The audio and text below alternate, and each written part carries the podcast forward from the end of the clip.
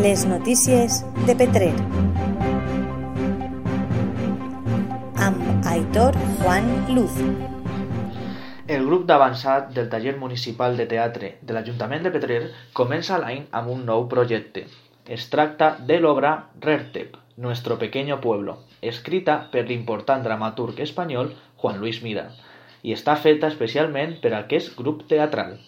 Segons ha explicat Begoña Tenés, actriu petrerina i directora del taller en exclusiva per a la teua ràdio, és un text preciós, carregat de ternura, on es veu reflectat una època molt dura com va ser la postguerra a Espanya, i estic segura que va agradar molt, sobretot a la gent més major que es podrà veure inclòs identificada.